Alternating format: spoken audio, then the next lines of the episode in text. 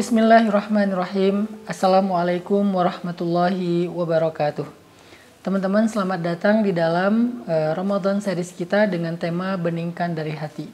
Kali ini saya ingin sharing dengan teman-teman tentang keutamaan dan keajaiban di dalam zikrullah ataupun zikir kepada Allah Subhanahu wa taala. Allah Subhanahu wa taala berfirman di dalam Al-Qur'an, A'udzu billahi minasyaitonir rajim. بسم الله الرحمن الرحيم إن في خلق السماوات والأرض واختلاف الليل واختلاف الليل والنهار لآيات لأولي الألباب الذين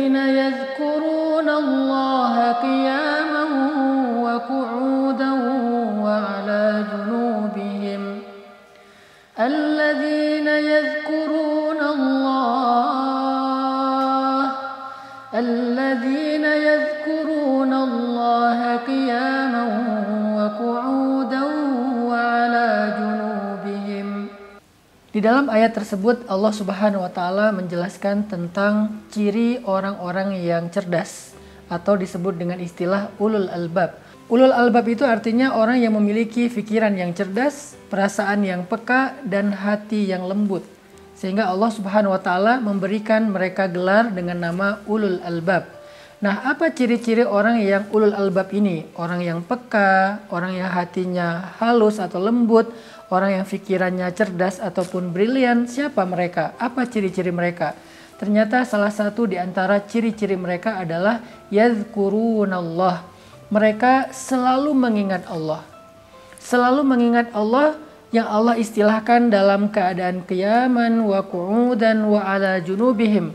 Dalam keadaan mereka berdiri, dalam keadaan mereka uh, duduk dan dalam keadaan mereka berbaring. Ini adalah sebuah ilustrasi bahwa mereka mengingat Allah itu bukan hanya ketika sholat, tetapi mereka mengingat Allah dalam kehidupan mereka, apa pun kondisi yang sedang mereka jalani, mereka selalu mengingat Allah dan itulah ciri orang yang cerdas. Nabi Shallallahu Alaihi Wasallam mengatakan perumpamaan orang mukmin yang berzikir kepada Allah Subhanahu Wa Taala itu adalah seperti uh, perumpamaan orang yang hidup. Sedangkan orang yang tidak mengingat Allah atau berzikir kepada Allah itu seperti orang yang mati. Artinya kehidupan hati seseorang, jiwa seseorang itu ada di dalam zikrullah. Sehingga bisa dikatakan hati yang tidak pernah berzikir, jiwa yang tidak pernah mengingat Allah, pikiran yang tidak pernah mengingat Allah itu seperti jasad tanpa nyawa. Jasad tanpa nyawa maka disebut dengan mayit dan tidak berharga. Inilah di antara banyak sekali dalil-dalil tentang keutamaan zikir.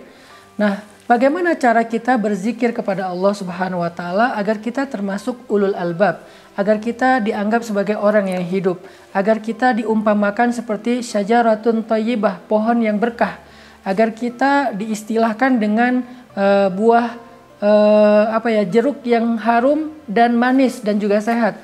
Bagaimana cara kita berzikir kepada Allah Subhanahu wa taala? Yang pertama adalah berzikir kepada Allah dengan lisan. Berzikir kepada Allah dengan lisan itu artinya kita selalu mengawali segala sesuatu dalam kehidupan kita dengan menyebut nama Allah. Itu zikir lisan kita yang paling gampang. Minimal kita bilang bismillah. Dalam aktivitas apa pun, selama aktivitas itu adalah sesuatu yang baik dan sesuatu yang mubah, maka kita awali dengan bismillah. Bahkan sesuatu yang mubah, mubah itu artinya tidak berpahala, tidak berdosa. Kayak kita lagi olahraga, kita lagi makan, kita lagi uh, tidur, itu kan pekerjaan-pekerjaan atau aktivitas yang tidak berpahala tapi juga tidak berdosa. Ketika kita melakukannya dengan menyebut nama Allah di awal, maka semua itu bernilai ibadah di sisi Allah Subhanahu wa taala. Bayangin, bayangin teman-teman berangkat tidur tapi tidurnya bernilai ibadah. Teman-teman makan, makannya bernilai ibadah. Teman-teman teman-teman jalan keluar rumah, berangkat ke tempat kerja dan seterusnya, bahkan sekedar uh, nongkrong bareng dengan gengnya, bareng dengan bestinya, kalau diawali dengan bismillah menyebut nama Allah atau memention Allah, maka semua itu akan bernilai pahala dan ibadah di sisi Allah Subhanahu wa taala.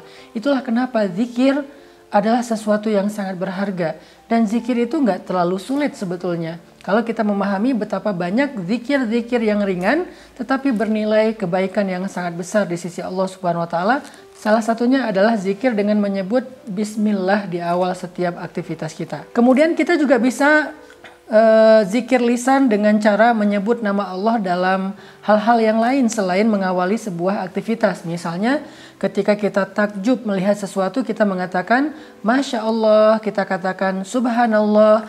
Ketika kita dalam keadaan lemah kita bilang La haula wa la quwata illa billah. Ketika kita ngerasa sendiri kita bilang Hasbi Allah wa ni'mal wakil. Ketika kita gelisah atau ketika kita merasa nggak nyaman kita katakan A'udzubillahi rajim. Banyak lagi kalimat-kalimat yang di dalamnya nama, ada nama Allah, maka itu bermakna zikir.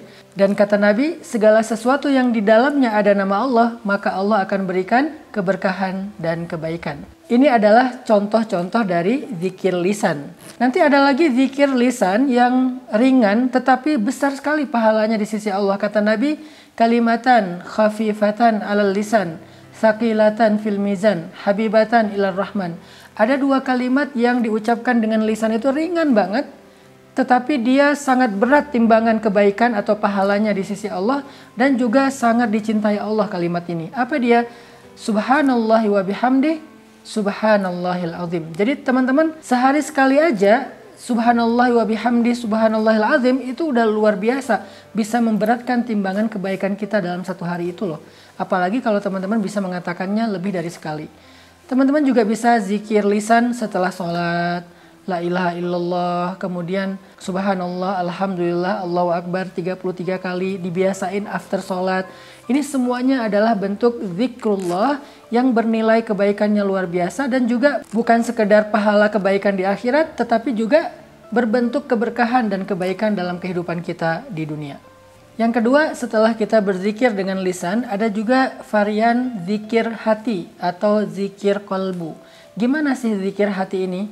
Allah Subhanahu wa taala berfirman, Alladzina idza dzukirallah wajilat qulubuhum. Orang yang kalau ingat Allah, hati mereka jadi bergetar. Nah, ini hatinya yang bergetar gimana cara uh, kita berzikir dengan hati sampai hati kita bergetar? Zikir hati itu bukan sekedar kita ngucapin nama Allah, tetapi tiba-tiba kita ingat, oh kan ada Allah, uh, oh kan saya udah ngelibatin Allah, ya udah deh serahin aja sama Allah. Nah ketika kita ingat dengan pikiran kita, lalu ingatan itu uh, kita masukkan ke dalam hati dalam bentuk belief, dalam bentuk yakin, dalam bentuk percaya, maka itu artinya kita sedang zikrullah dengan dengan hati. Jadi bukan diucapin doang tapi ingat gitu. Jadi hati itu connect dengan pikiran dan ingatan kita. Misalnya kita lagi berharap sesuatu, tetapi khawatir bisa nggak saya mendapatkan itu. Tiba-tiba ingat nih, tapi kan Allah Maha Kuasa. Ya udah deh, saya percaya aja sama Allah selama itu baik pasti Allah akan berikan untuk saya. Itu namanya zikir hati. Atau ketika kita sedang dapat musibah, tiba-tiba kita ingat Allah, Allah pasti mau menggantinya dengan yang lebih baik dari ini kalau saya sabar dan saya ridho. Itu namanya zikir hati. Ketika kita mau berbuat dosa, tiba-tiba ingat Allah jadi e, mengurungkan niat kita untuk berbuat dosa, jadi nggak nggak berbuat dosa lagi, maka itu adalah zikir hati. Orang yang kalau hatinya berzikir diawali dengan mengingat Allah, maka insya Allah hatinya akan menjadi tenang. Allah Subhanahu Wa Taala berfirman, Ala bidzikrillahi tatmainnul qulub. Bukankah dengan mengingat Allah hati menjadi tenang? Jadi zikir hati itu artinya kita ingat Allah bahwa Allah Maha Kuasa, Allah Maha Baik, Allah Maha Kaya, Allah Maha enggak uh, tega, Allah Maha Pengasih, Allah Maha Penyayang, Allah Maha Penerima Taubat.